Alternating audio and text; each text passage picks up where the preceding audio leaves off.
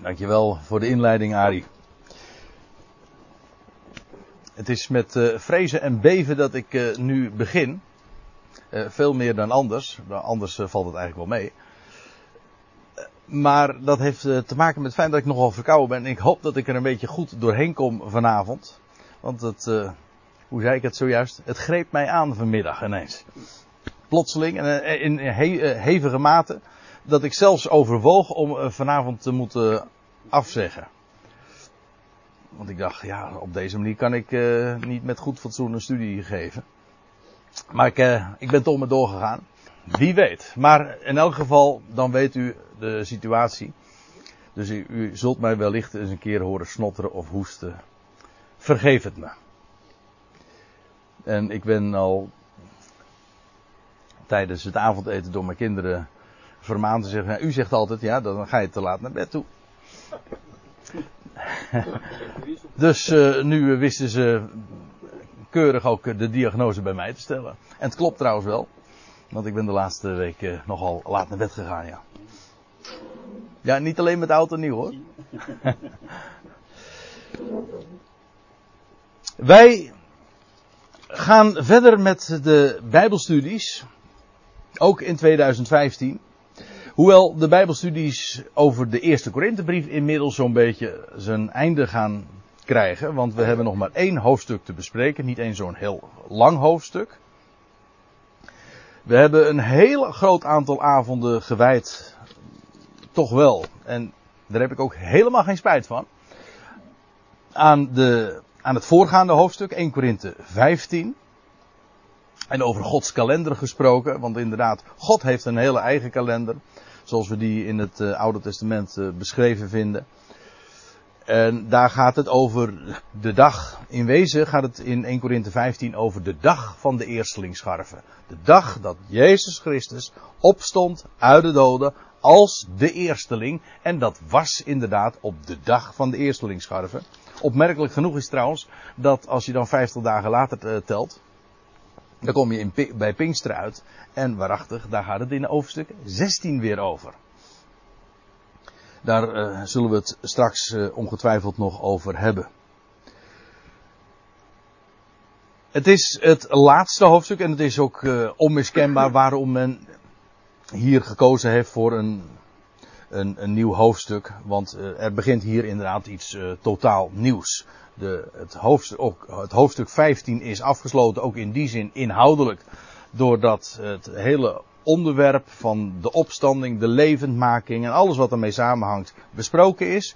En nu begint Paulus met iets nieuws. in feite, zoals je dat trouwens in zoveel eh, brieven aantreft. Ik denk maar bijvoorbeeld aan uh, Romeinen 16 ook. Dat is ook 16 hoofdstukken, de Romeinenbrief. En dat zijn dat nog wat groeten. Heel veel groeten daar trouwens. En uh, wat praktische dingen die nog afgehandeld moeten worden. Maar juist in zulke afsluitende hoofdstukken krijg je een prachtig doorkijkje. Of, en ook inkijkje.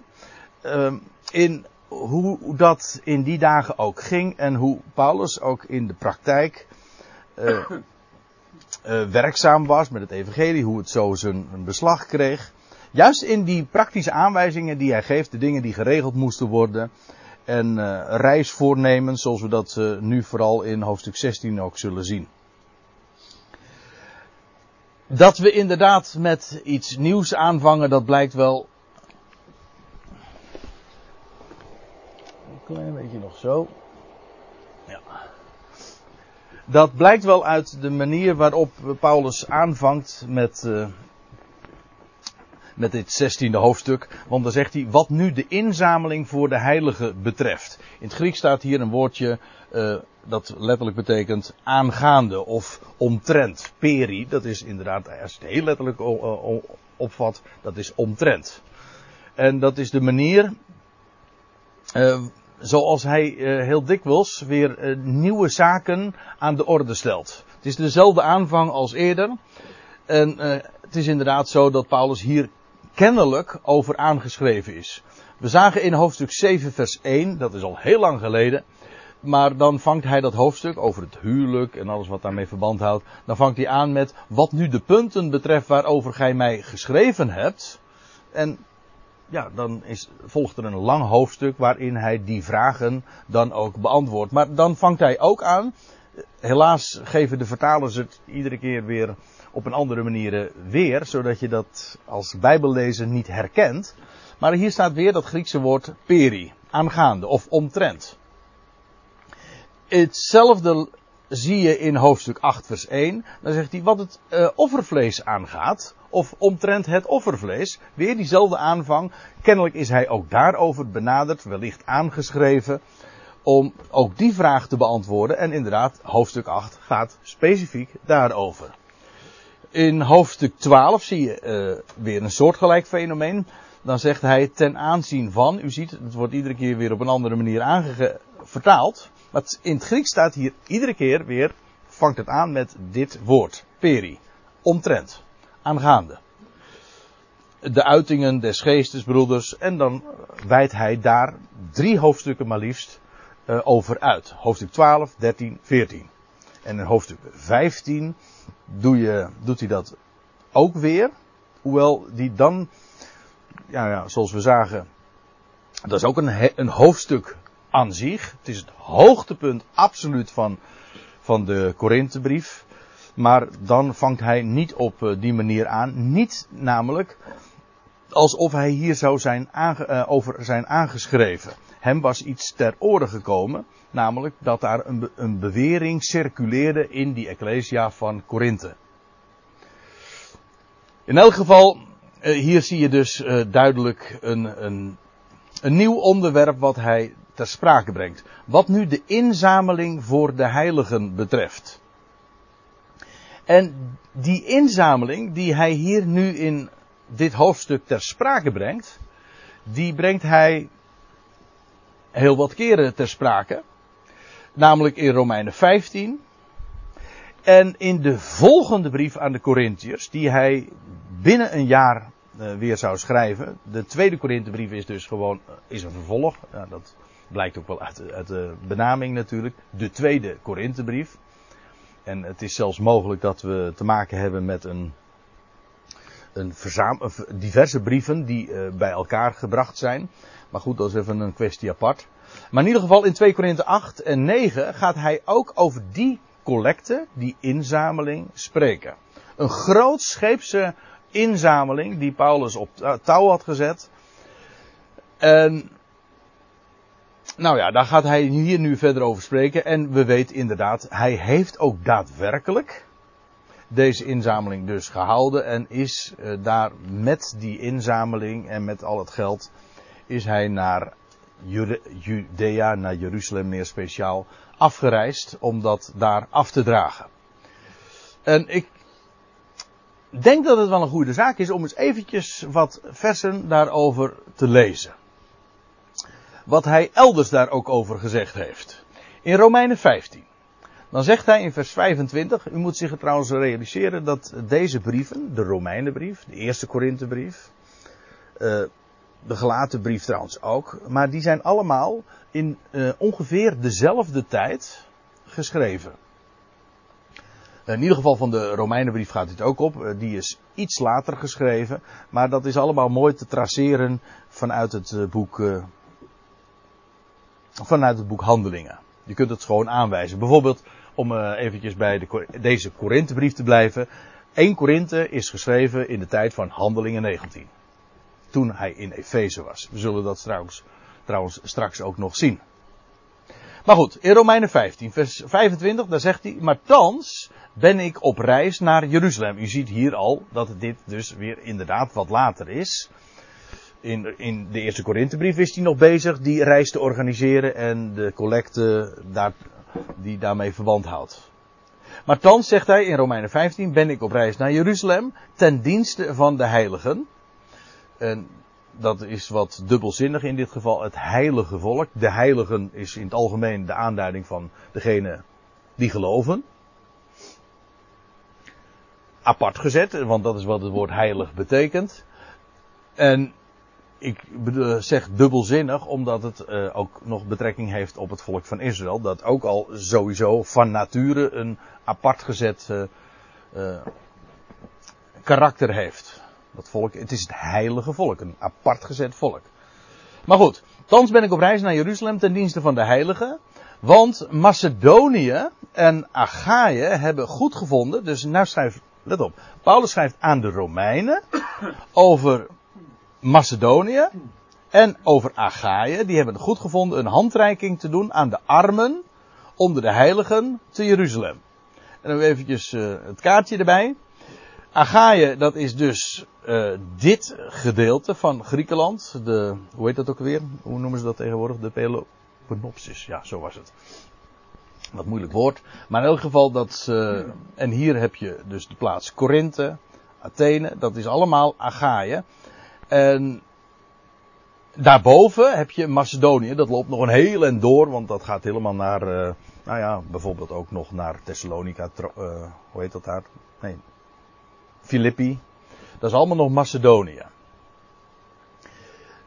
Dus als, als Paulus dan schrijft in de, Romeinen, uh, in de Romeinenbrief van Macedonië, dus dat is hier de, de streek met alle ecclesia's die daar zijn, uh, en Achaïe hebben goed gevonden een handreiking te doen aan de armen onder de heiligen te Jeruzalem.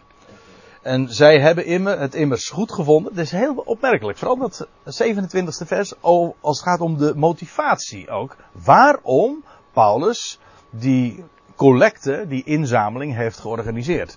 Zij, in Macedonië en Achaïe, hebben het immers goed gevonden. Maar zijn het ook jegens hen verplicht. Want indien de heidenen, de natieën, aan hun, dat wil zeggen het gaat hier dus over de Joodse gelovigen, aan hun geestelijke goederen deel hebben gekregen, behoren zij ook met hun stoffelijke goederen hen te dienen. Het is een heel opmerkelijk uh, motief dat Paulus hiervoor aandraagt. Het is voor hem ook een heel logisch verhaal. De, de die delen in de geestelijke goederen van Israël, ik bedoel, we hebben deel gekregen aan, al was het maar bijvoorbeeld, uh, Romeinen, dus dezelfde Romeinen weer, Romeinen 3 vers 1. Wat is het voorrecht van de Jood? In de eerste plaats toch dit, zegt hij, hunner zijn de woorden Gods toebetrouwd. Is het eerste, eerste geestelijke goed wat hen is gegeven. Nou, daar hebben wij deel aan gekregen, aan die woorden Gods. En wij drinken daaruit en om zo te zeggen, en wij hebben daar deel aan. Dat is ons ook ons, ook ons geestelijk eigendom geworden. Wel, als wij deel hebben gekregen aan de, de geestelijke goederen van Israël, dan is het toch niet meer dan logisch dan hen ook in het stoffelijke te voorzien, daar waar dat nodig is. Zo motiveert Paulus dat hier in de Romeinenbrief.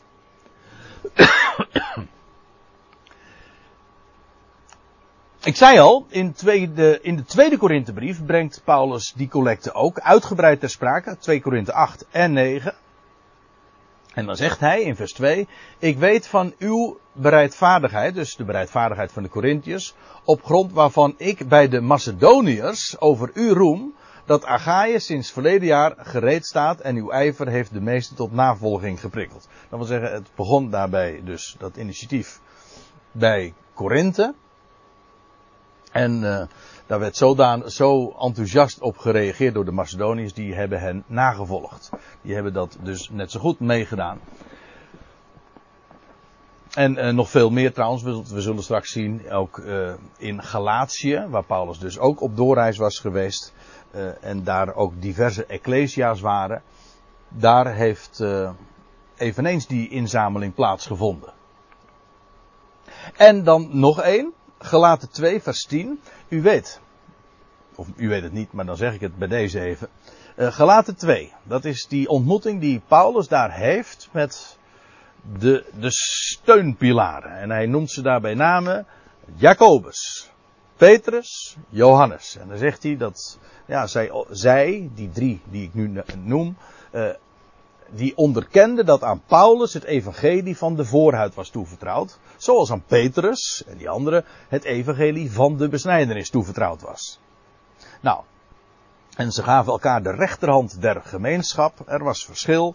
Paulus mocht ook veel meer zien. Nou ja, daar, daar gaat het nu even niet om. Het gaat er even om dat zij elkaar de rechterhand der gemeenschap geven. Staat er. Dat is vers 9. En dan vers 10. Wordt er iets bij gezegd, namelijk de afspraak die zij maken. Paulus zou zich richten naar de, tot de natie en zij, Jacobus, Petrus en Johannes, zouden gaan naar de besnijdenis. Dat is die, de volgorde van die namen, die komt exact ook overeen met de wijze waarop ons Nieuwe Testament is ingedeeld. Want je krijgt na de brieven van Paulus, vervolgens Jacobus, Petrus en Johannes. Dat is allemaal ontleend aan Galaten 2, vers 9. En staat er dan in vers 10 bij, alleen, dus ze deden die afspraak, ze gaven elkaar de vijf, een mooie, hè?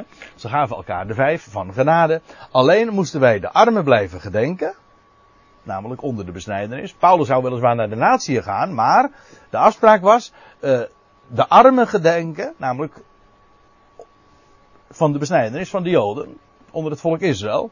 En, zegt Paulus, ik heb mij dan ook beijverd dat vooral te doen. Nou, daar heeft hij niks te veel mee gezegd, want dat heeft hij inderdaad zeer uitgebreid, uh, is hij daarmee bezig geweest. Hij heeft zich zeer beijverd om uh, zich om de armen onder Israël in Judea te gedenken.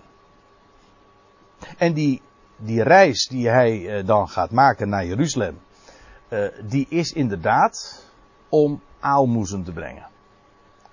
Wonderlijk genoeg, het wordt een fatale reis voor Paulus, want uh, ja, fataal in die zin dat hij juist bij die gelegenheid, als hij dan in Jeruzalem arriveert met een hele delegatie, daarover straks trouwens nog even meer, maar hij arriveert daar in Jeruzalem en uh, in no time is daar een gigantische rel rond Paulus ontstaan. En wordt hij gevangen genomen. En dat leidt uiteindelijk tot zijn deportatie, als ik het zo mag zeggen, naar Rome.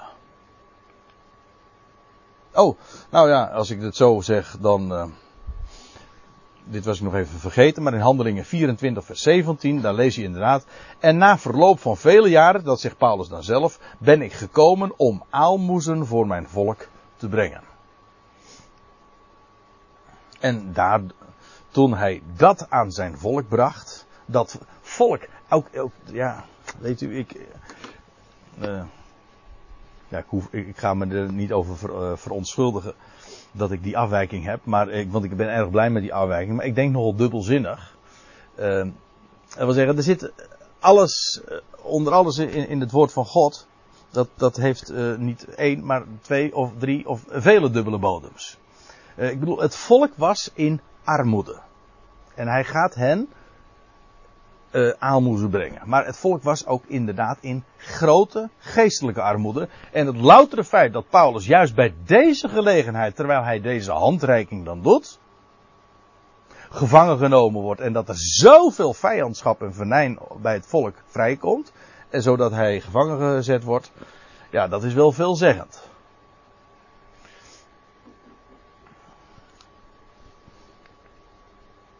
Goed, nou, dat is eventjes wat een aantal uh, opmerkingen die we elders dan ook aantreffen over die inzameling voor de heiligen. Dat is volkomen duidelijk waar, waar het over gaat en uh, met welk doel. En omdat Paulus daar zich gewoon uh, ook uitgebreid over uitlaat.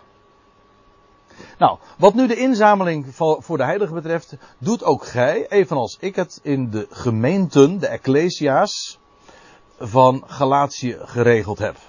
In de landstreek van Galatië waren dus meerdere ecclesia's. Trouwens, eventjes uh, iets anders. Dat ben ik net vergeten te zeggen, maar uh, ik weet eigenlijk niet uh, of er nog een andere ecclesia in, nou ja, hier in Achaïe was. We weten van Korinthe. Nou ja, in Athene is Paulus ook geweest, uiteraard.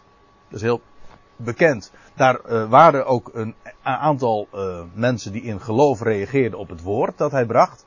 Maar of daar ooit ook werkelijk een ecclesia ontstaan is, daar weten we niks van. Dus eigenlijk uh, weet ik niet of er nog meer ecclesia's waren dan alleen in Korinthe. Berea? Sorry? Berea? Ligt het ook zo Berea, dat ligt naast Thessalonica. Dus dat is dus uh, in het, uh, dat is uh, zeg maar hier. Ongeveer. Nee, dat is niet alleen Azië. Nee, dat is aan de, aan de, eh, aan de noordkant zeg maar van, van Macedonië. Ja, goh, eh, ik heb even nu geen kaart hier bij de hand. Eh, weet u waar Salo- Saloniki ligt? Dan weet u ook waar Berea ligt. ja, eh, Thessalonica of Saloniki. Sal- het huidige Saloniki is het vroegere Thessalonica. Saloniki. Ja? Dat klinkt ook erg Grieks, maar het is ook Grieks. Ja, maar eh, wacht even, dat zijn provincies, zeg maar. Hè? Het zijn ook wel landen geweest, volgens mij. eh, want eh, in de tijd van Alexander de Grote was dat was een Macedoniër. Een, een Dat-. Ja. Nou, hier in deze tijd was het in elk geval. eh, ja, waar het, de, er wordt er trouwens ook gesproken over de landstreken van Macedonië en, en Achaia. Provincies dus. Maar goed, eh, dat hangt er ook maar weer net vanaf in welke tijd je dat dan weer plaatst. Dat geldt in Nederland ook. Ik bedoel, eh, we hebben hier in Nederland ook het Koninkrijk van de Noordelijke Nederlanden gehad en de Zuidelijke Nederlanden. Dus dat, dat is allemaal zo eh, flexibel in de tijd. Niet waar? Ja.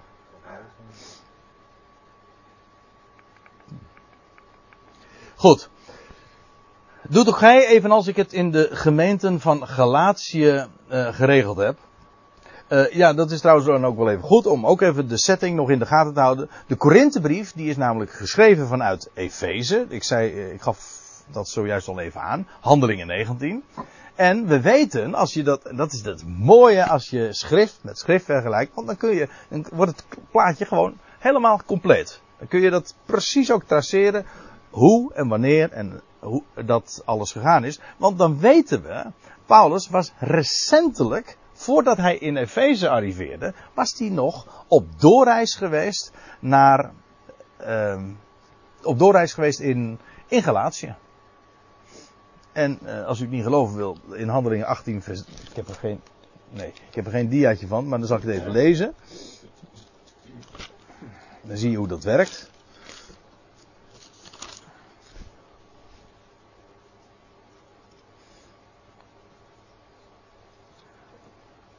En toen hij daar een tijd lang geweest was, ging hij weer weg en hij doorreisde achtereenvolgens, 18 vers 23, het land van Galatië en Frigië om al de discipelen te versterken. Om dan vervolgens weer eh, uiteindelijk in, eh, in Efeze terecht te komen. Dus daar was hij eh, kort daarvoor nog geweest. Dus als hij het hier heeft over die Ecclesia's van Galatië, ja, dan heeft hij dus ook al gesproken over de inzameling die hij voornemens was. Zij zouden het op dezelfde wijze doen als dat hij dat daar heeft voorgeschreven, geregeld heeft. Elke eerste dag der week, ja, letterlijk staat er elke één, maar dan, dan moet het woordje dag tussen, maar dat heeft weer met naamvallen en met, niet met naamvallen, met, met mannelijke woorden en vrouwelijke en onzijdige woorden te maken. Eh één dag van Sabbat. Er staat eigenlijk, er staat het woordje eerste, staat er niet eens. En week ook niet, dus wordt gewoon eh, het woord van Sabbat gesproken in de tweede naam van Sabbat. En ja, hoe, hoe komt men dan aan die eh, eerste dag van de week? Nou, het is in ieder geval niet, eh, het is in ieder geval niet hier eh, van afgeleid. Dat, het, in, in het Grieks staat hier gewoon een heel ander woord. Of een heel ander Begrip? Kanttekeningen geven hetzelfde als eh, in Matthäus met de opstanding op de eerste Ja. dag. Ja, Dat, is het eh, boeiende. Hoewel de uitdrukking hier iets eh, anders is, omdat daar dan gesproken wordt. Iedere keer, laat ik het dan zo zeggen. Als je in de Evangelie leest, Matthäus 28, Lucas 24, Marcus 16, Johannes 20, dan lees je iedere keer als, als de, de, de opstanding beschreven wordt en dan staat er, en op, ja, in de, onze vertalingen dan op de eerste dag der week, maar letterlijk staat er op één dag van de Sabbatten. Of soms de eerste, eerste van de Sabbatten. En volgens mij hebben we het, ehm, nou, een aantal, wat zal weken geleden nog daar wel over gehad. In verband toen over, met de eersteling. De Heer Jezus Christus is opgestaan als de eerstelingsgarve op de dag die genoemd wordt, of in de periode van een van de sabbatten. Ja, van de sabbattentelling. Precies. Die uitdrukking, het punt is namelijk dat er vanaf de dag van de eerstelingsscharven, dat kun je zo nalezen in, handelen, in, uh, in het boek Leviticus. Op de dag van de eerstelingsscharven werd de eerstelingsscharven, de, de schoof van de gerstenoogst, aangeboden aan de Heer. Dat was daags na de Sabbat. En vervolgens staat er, dan moesten ze zeven Sabbatten tellen. Tot de dag na de zevende Sabbat. En dat is dus de vijftigste dag, dan krijg je Pinksteren.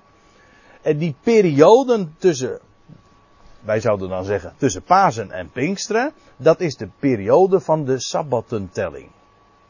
En die uitdrukking één der Sabbatten heeft daarmee, houdt daarmee verband. Het was de eerste dag van die Sabbattentelling dat de Heer Jezus opstond. Oftewel, het was de dag van de eerstelingsscharven. En dat laatste is zo markant. Het was maar niet zomaar op een, op een Sabbat of een zondag. Nee, het was de dag van de eerstelingsschoof. Dat maakt het uh, geestelijk en typologisch en profetisch zo significant, om het eens deftig te zeggen. Zo betekenisvol.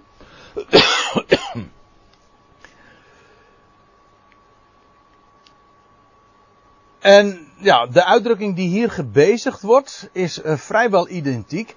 Uh, anderen hebben erop gewezen dat hier toch iets anders is, omdat hier niet uh, gesproken wordt over sabbatten, maar over de sabbat. Dus dat hier gewoon sprake is van wekelijks, dus elke sabbat. Nou, ik laat dat even voor wat het is. Het idee is in elk geval inderdaad uh, per week. Het, uh, en dan vervolgens, ik wil dat nu eventjes laten voor wat het is, ook in verband met, met die bespreking die we voor, voorheen al vrij uitgebreid hebben gehad daarover. Nou, elke één dag van Sabbat, van de Sabbat, leggen ieder naar uur, naar vermogen thuis iets weg. Of letterlijk staat er, wat hij maar voor voorspoed heeft. Dat is wat er eigenlijk staat. U ziet dat hier in de. Dus naar, na, naar jij uh, voorspoed geniet, uh, wel naar, uh, naar die maatstaf, met dat in gedachten leg je ieder, dus met die regelmaat elke zabbat leg je iets opzij.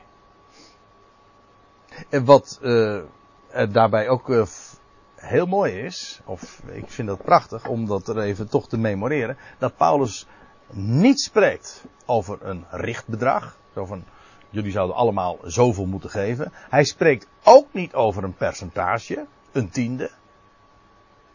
Nooit doet hij dat. Nee, hij spreekt.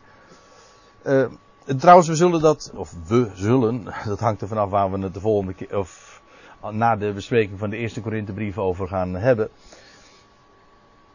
Daar is wel inbreng mogelijk hoor trouwens. Dat zeg ik nu even tussendoor. Ja, daar moeten we het inderdaad nog eens even over hebben. Dat, uh, uh, wat er dan het volgende Bijbelboek gaat worden. Want het, het, wordt ongetwijfeld weer een Bijbelboek. Gaan we verder met de tweede Korinthebrief. Op zich is dat wel logisch natuurlijk. Of de Filipijnse brief zat ik zelf ook erg aan te denken. Maar ja, daar kunnen we nog wel even doorgaan. Want er zijn nog uh, vele opties natuurlijk. Maar goed, daar moeten we het nog eens over hebben. Uh, in elk geval, uh, Paulus eh, spreekt dus inderdaad over eh, naar vermogen of naar welvaart, naar voorspoed.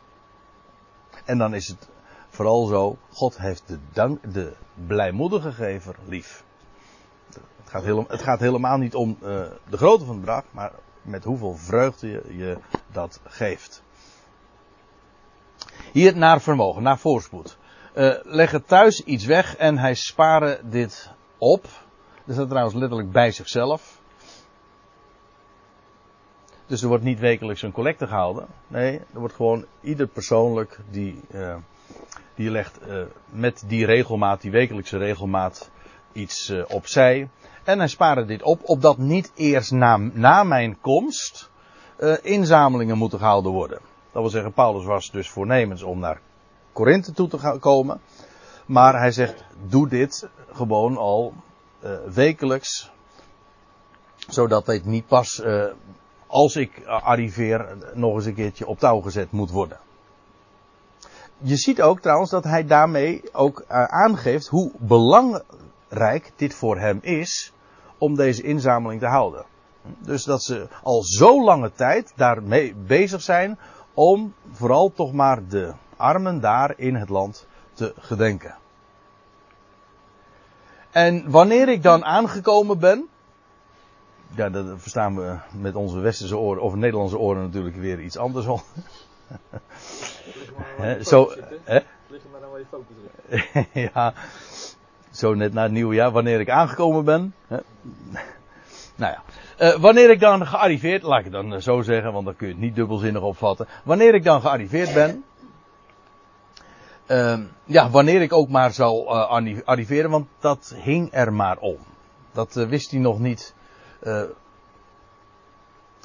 Paulus had in, de, in deze verse ook al gezegd dat hij, hij zou komen naar, de, naar Korinthe. Maar wanneer dat zou zijn, zo zou zijn, dat, dat hing er nog om. En dan zegt hij, dan zal ik hen die, daarvoor, die gij daarvoor geschikt acht, met brieven zenden. Ja. Uh, hoe is het Nederlandse spreekwoord? Wie betaalt, bepaalt. En dat is in dit geval ook zo. Is heel redelijk. Als je een gift geeft, of in dit geval ook gezamenlijk giften geeft, dan zouden zij ook zelf degene aanwijzen die daarmee met dat bedrag vervolgens ook naar het land zou gaan. En zegt Paulus erbij, ik zal ze met brieven zenden. Aanbevelingsbrieven. Dat is een, een, een fenomeen dat we nogal eens een keer in het Nieuwe Testament aantreffen. Door brieven zenden. In Handelingen 18, daar lees je. Uh, gaat het ook al over Agaïe. En toen hij uh, naar Agaïe wilde oversteken, moedigden de broeders hem daartoe aan. En schreven aan de discipelen dat zij hem vriendelijk moesten ontvangen zit me nu even af te vragen over wie het gaat. Nou ja, laat maar even. In elk geval, ook hier worden mensen dus. Neem niet kwalijk.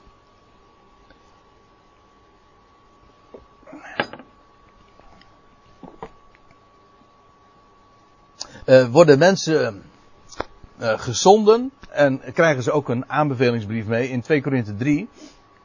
Dan lees je ook, hebben wij soms, hebben wij, zegt Paulus, soms gelijk sommige aanbevelingsbrieven bij u of van u nodig. Dat was namelijk een heel gebruikelijk gebaar. Als iemand heen gezonden werd of een bepaalde missie kreeg, dan werd hij aanbevolen met een brief.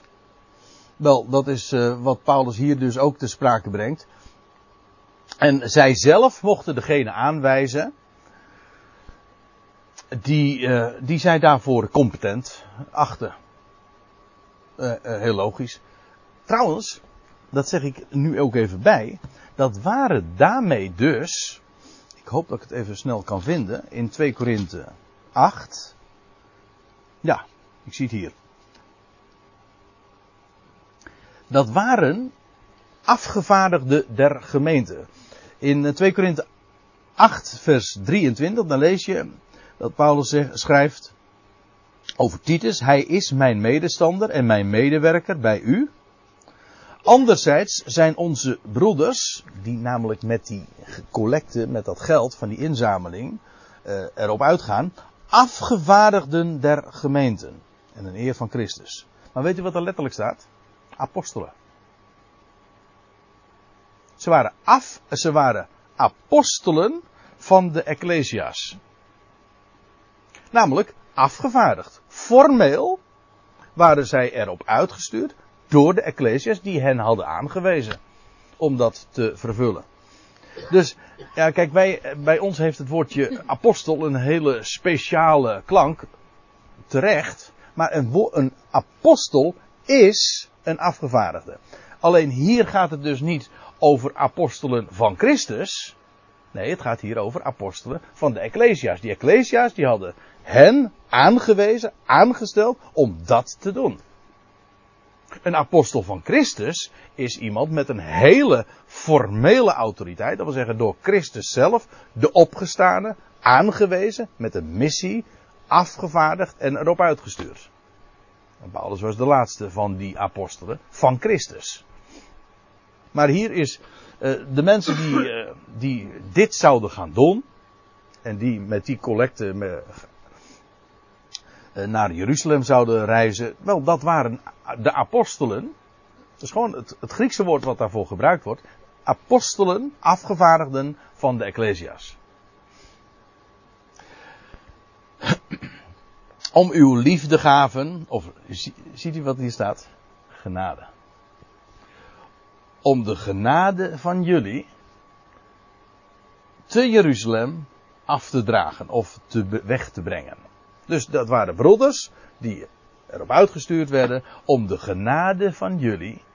Daar zit ook weer, het is met blijdschap gegeven. Genade heeft te maken met wat je geeft om niet uit vreugde.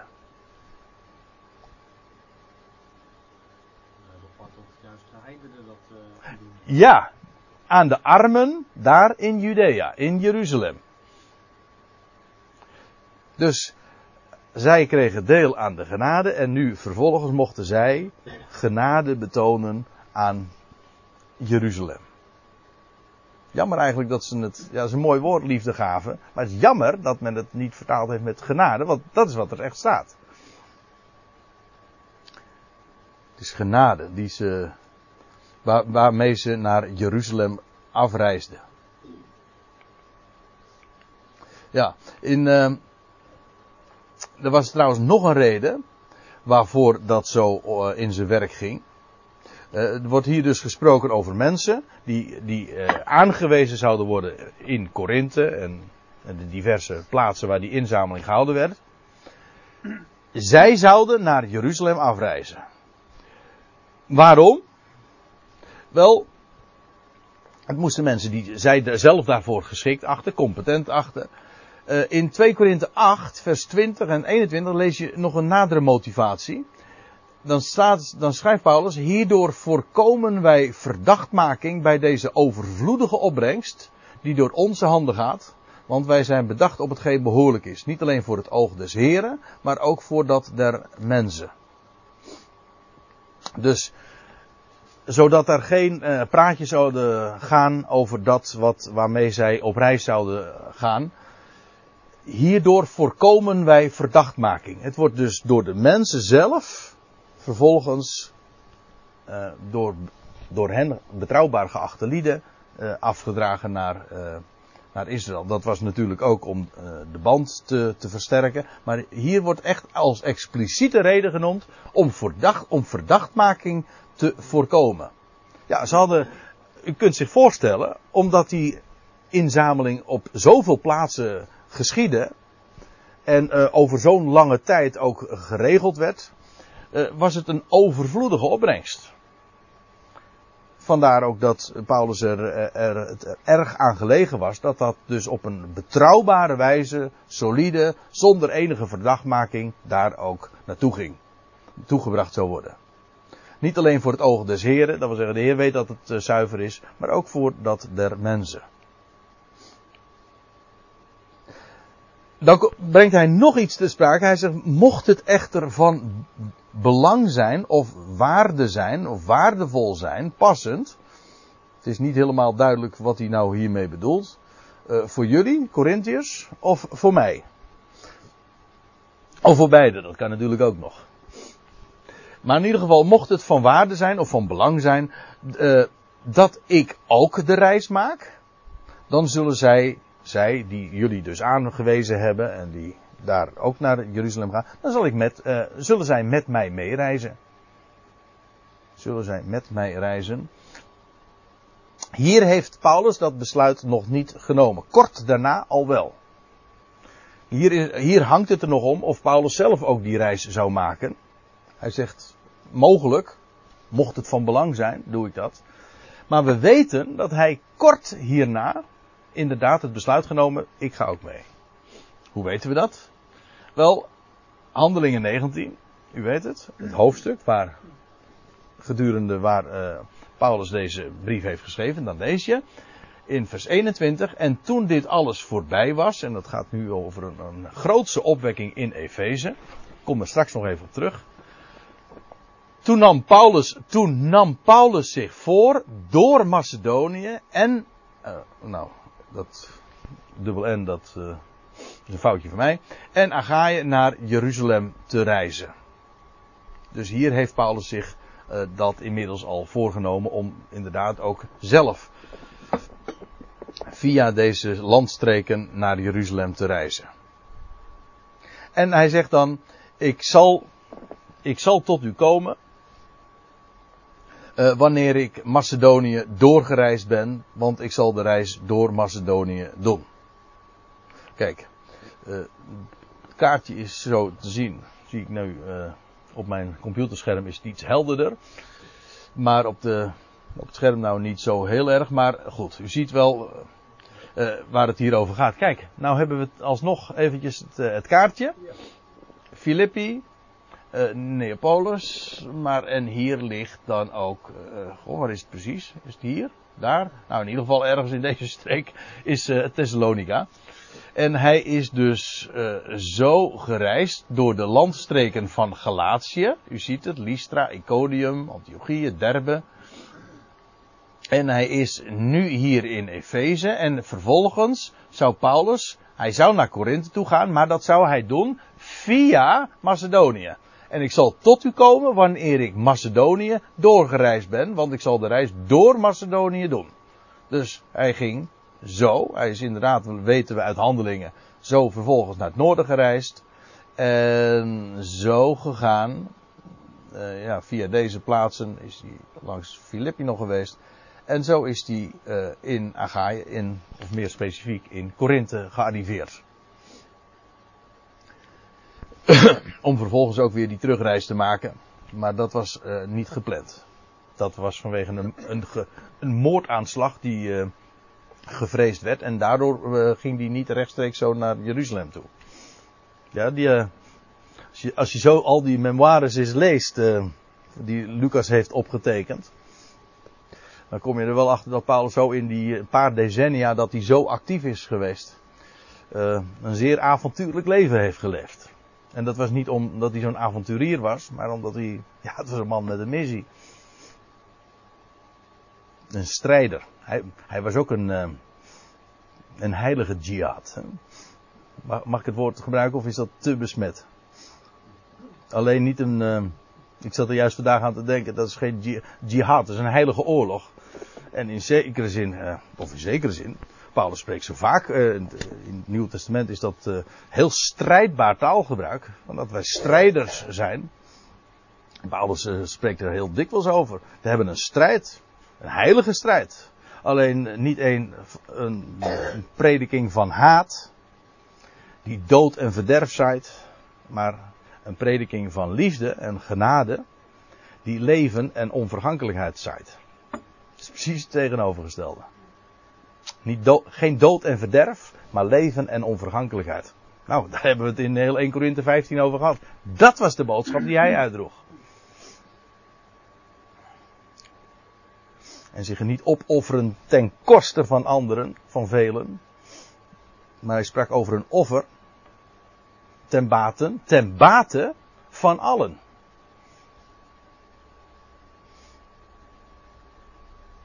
Ja, om maar toch even het grote verschil te typeren tussen wat religie kan doen en stuk kan maken en dat wat het evangelie als goed bericht, als een blijde tijding verspreidt en doorgeeft. Dat is een, een verschil van hemel en hel. Dat durf ik rustig zo te zeggen.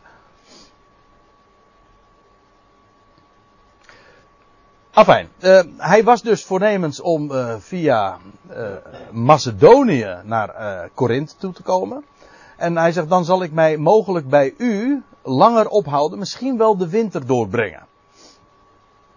Ja, Waarom de winter doorbrengen? Nou, omdat de winter sowieso al ongeschikt was om door te reizen. Zeker voor de scheepvaart. Gedurende de winter werd er niet op zee gevaren. Geen grote reizen ondernomen. En ook in de winter was het ook niet zo geschikt om uh, over het uh, berglandschap te reizen. In elk geval, hij zou de winter dan daar doorbrengen. We weten trouwens, kijk, laat ik het nog even zo zeggen. Paulus bevindt zich nu hier, als hij deze brief schrijft, in Efeze. Hij zegt, ik kom naar jullie toe. Hij zou nog, hij zegt, ik blijf, we zullen dat straks zien. Ik blijf tot Pinksteren. Blijf ik nog in uh, Efeze. Dat is vers 8 geloof ik van uh, 1 Korinthe 15. We zullen het straks zien. En dan zou hij tot, uh, en dan zou hij vervolgens gaan reizen. Dus dan praat je over Pinksteren. Dan, dat zal ergens in mei, juni zijn. Hooguit, ja, zoiets. En dan zou hij vervolgens de zomermaanden deze reis doornemen. Nou ja, door Macedonië. En dan zou hij aan het eind van de zomer in Korinthe in het najaar in Korinthe arriveren. En dan zou hij daar dan vervolgens ook blijven. En misschien wel de winter ook doorbrengen. En zodat gij mij ook kunt voorthelpen. Ik denk dan in elk geval financieel of, uh, en ook materieel. Misschien ook met het oog op, op dat wat hij uh, voornemens was, namelijk die, die reis naar, naar Jeruzalem. In ieder geval, dan kunt gij mij voorthelpen wanneer ik weer verder reis. Hoe en waar dan ook. Want dat, dat wist hij op dit moment nog niet zo. Maar in ieder geval, dat, uh, dat was Paulus' voornemen. U ziet, als je zo'n hoofdstuk leest. En vooral als je dan ook uh, een kaartje erbij pakt. En je vergelijkt het met diverse andere schriftgedeelten, andere brieven, het boek Handelingen dan krijg je een heel concreet beeld, zo wat er aan de hand was en wat, wat er allemaal gebeurde. En ook hoe Paulus daarin gesupport werd door, uh, door hen. Want, zegt hij, ik wil u thans niet in het voorbijgaan bezoeken. Uh, want ik hoop enige tijd bij u te blijven als de Heere het toestaat. Deo volente, zeggen we dan als God het wil. Ja, de Arabieren zeggen dan inshallah. En dat is, uh, betekent hetzelfde trouwens. Alleen dat is Arabisch dan. Want ja, je kunt wel uh, allerlei plannen hebben, maar dat moest ook wel eens een keer worden bijgesteld. Maar dat weten wij alles van, dat doen wij namelijk ook. In elk geval, Paulus wilde uh, graag een langere tijd bij hen blijven. Er was ook nog het een en ander daar recht te zetten. Maar zegt hij, en op dit vers wees ik al, al eerder, ik zal nog tot Pinksteren, en Pinksteren dat is het Griekse woord voor Pentecost. In het Engels uh, zeggen ze ook, Pentecost, is dat, dat komt direct uit het Grieks en dat betekent letterlijk vijftigste. Ons woord pink heeft trouwens daar ook weer mee te maken met de vijftigste. En ons, ons, onze vinger is ook de, de pink is de vijfde vinger. In ieder geval dat heeft te maken met de vijf. Dat zie je ook in allerlei talen nog weer terug. Ik zal tot uh, Pinksteren te Efeze blijven. Oh, wacht even, dat wou ik er ook nog even bij zeggen. Want als we hebben gezien dat die eerstlingsscharven. Zeg maar Pasen. Dat is een beetje de christelijke benaming daarvan, maar het is, duidt op dezelfde tijd. In hoofdstuk 15 hebben we het gehad over Pasen. Nu gaat het over Pinksteren. En, en Pinksteren verwijst typologisch naar het werk van God tussen de eerste en de tweede komst van Christus. Hoe, hoe vertel ik dat nou even kort? Nou, uh, ik kan het eigenlijk heel goed, uh, denk ik, uh, kort zeggen. Nu hebben we het even over Gods kalender. Zoals we die vinden in het boek Leviticus. Je hebt twee feestmaanden. In hoofdzaak. Twee groepen feesten. De feesten, de hoogtijden in de eerste maand. En je hebt de hoogtijden in de zevende maand. De hoogtijden in de eerste maand, dat zijn. Ja, de dag van Pesach, dat het lam geslacht werd. Vervolgens de dag van de eerstelingsscharven. En het week van, uh, ja, van de week van Pesach, de week van ongezuurde broden. Dat verwijst letterlijk naar de eerste komst van Christus. Naar hem die geboren werd. De tiende Nisan, uh, maar dat even terzijde. Hem die stierf op de dag van uh, de veertiende en vervolgens degene die opstond op de dag van de eerstelingsscharven. Vervolgens heb je een groep van hoogtijden in de zevende maand. En te beginnen met de dag van bazuingeschal, de eerste. De tiende Yom Kippur, de verzondag. En dan, de, en dan krijg je vijf dagen later, begint voor zeven dagen lang het Sukkot, oftewel het Loofhuttenfeest. En die drie hoogtijden hebben weer te maken met de tweede komst van Christus. Als je eenmaal uh, uh, het plaatje uh, weet waar die dingen betrekking op hebben, wordt het ook volstrekt helder en vergeet je het ook niet makkelijk meer. De eerste maand heeft te maken met de eerste komst van Christus. De zevende maand heeft in feite te maken met de vervulling van zijn komst. Zeven. En met de tweede komst van Christus als de bazuin zal klinken. En als Israël verzoend zal worden. En als ook voor de volkerenwereld het grote Lofhuttenfeest zal aanbreken. Want daar heeft Sukkot vooral mee te maken. Nou, nou heb, nou ik dus uh, zes hoogtijden genoemd. Drie in de eerste maand, drie in de zevende maand. Maar dan heb ik één feest, één hoogtij nog niet genoemd. En dat is wat daar precies tussenin ligt. Namelijk in het feest in de derde maand. Namelijk Pinksteren. Sorry? Ja, nee, ik zat, ik zat te denken dat ik nog een offerfeest voor de heidenen toch een soort met een offer, uh, offerdier wat uh, meestal mannelijke dieren slachten, één keer een vrouwelijke dier wordt geslacht. Uh, ja, nee, maar dat. Uh, ik denk, ik, jij bent nu in de war met uh, dat rode vaars. Die jonge rode koe die geslacht werd. Dat moest een vrouwtje zijn. Heel uitzonderlijk. Maar goed, dat. Nee, maar dat was ook trouwens geen speciale dag. Ja, het was trouwens wel de derde dag. Maar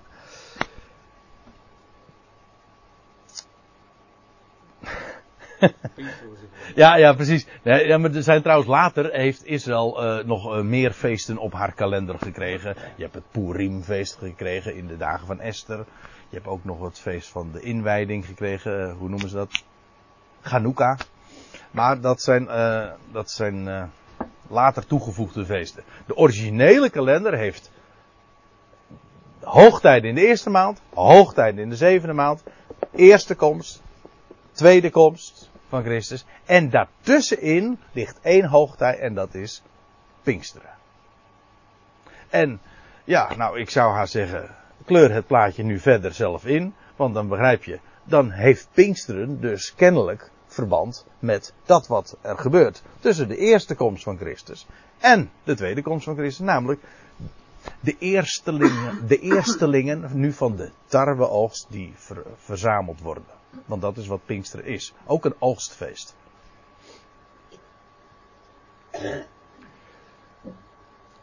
Zodat uh, Pinksteren, uh, lijkt mij vrij uh, duidelijk, te maken heeft met het werk van God in onze dagen. In de, tussen de eerste en de tweede komst van Christus in. Maar goed. Uh, Paulus bevindt zich dus in Efeze en hij zegt: Ik zal in ieder geval dat voortzetten tot Pinksteren. En uh, te Efeze blijven. En daar was hij al bijna inmiddels twee jaar uh, werkzaam. Dat weten we. Hij is in totaal. Hij had dus gearbeid in Korinthe. Vervolgens is hij gegaan even met grove pennenstreken in, uh, in Efeze is hij terechtgekomen. Daar heeft hij twee jaar is hij daar werkzaam geweest. Die periode van twee jaar speelt in het leven van Paulus een grote rol. Hij was twee jaar gevangen in Caesarea. Twee jaar gevangen in Rome. En hij was twee jaar werkzaam in Efeze. Dat lees je. Ja, laten we dat nog eventjes uh, lezen. Handelingen 19. Daar lees je, en Paulus ging, uh, om eventjes een kenschets te geven van zijn arbeid in Efeze. En Paulus ging naar de synagoge, trad drie maanden lang vrijmoedig op om hen door besprekingen te overtuigen aangaande het koninkrijk gods. Maar toen sommigen verhard en ongehoorzaam bleven, namelijk daar in die synagoge, en ten aanhoren van de menigte kwaad bleven spreken van de weg, een aanduiding van het geloof van het evangelie, uh, maakte hij zich van hen los, namelijk van de synagoge los, en hij zonderde zijn discipelen af, terwijl hij dagelijks besprekingen hield in de gehoorzaal, in de school van Tyrannus. En dit ging, en daar gingen we nu even om, en dit ging twee jaar lang zo voort.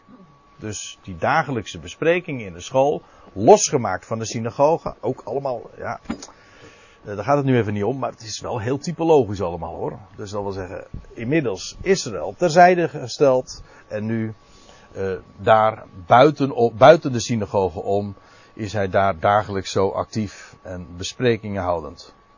En dit ging twee jaar lang zo voort, zodat allen die in Azië woonden het woord des Heren hoorden, zo Joden zowel als Grieken.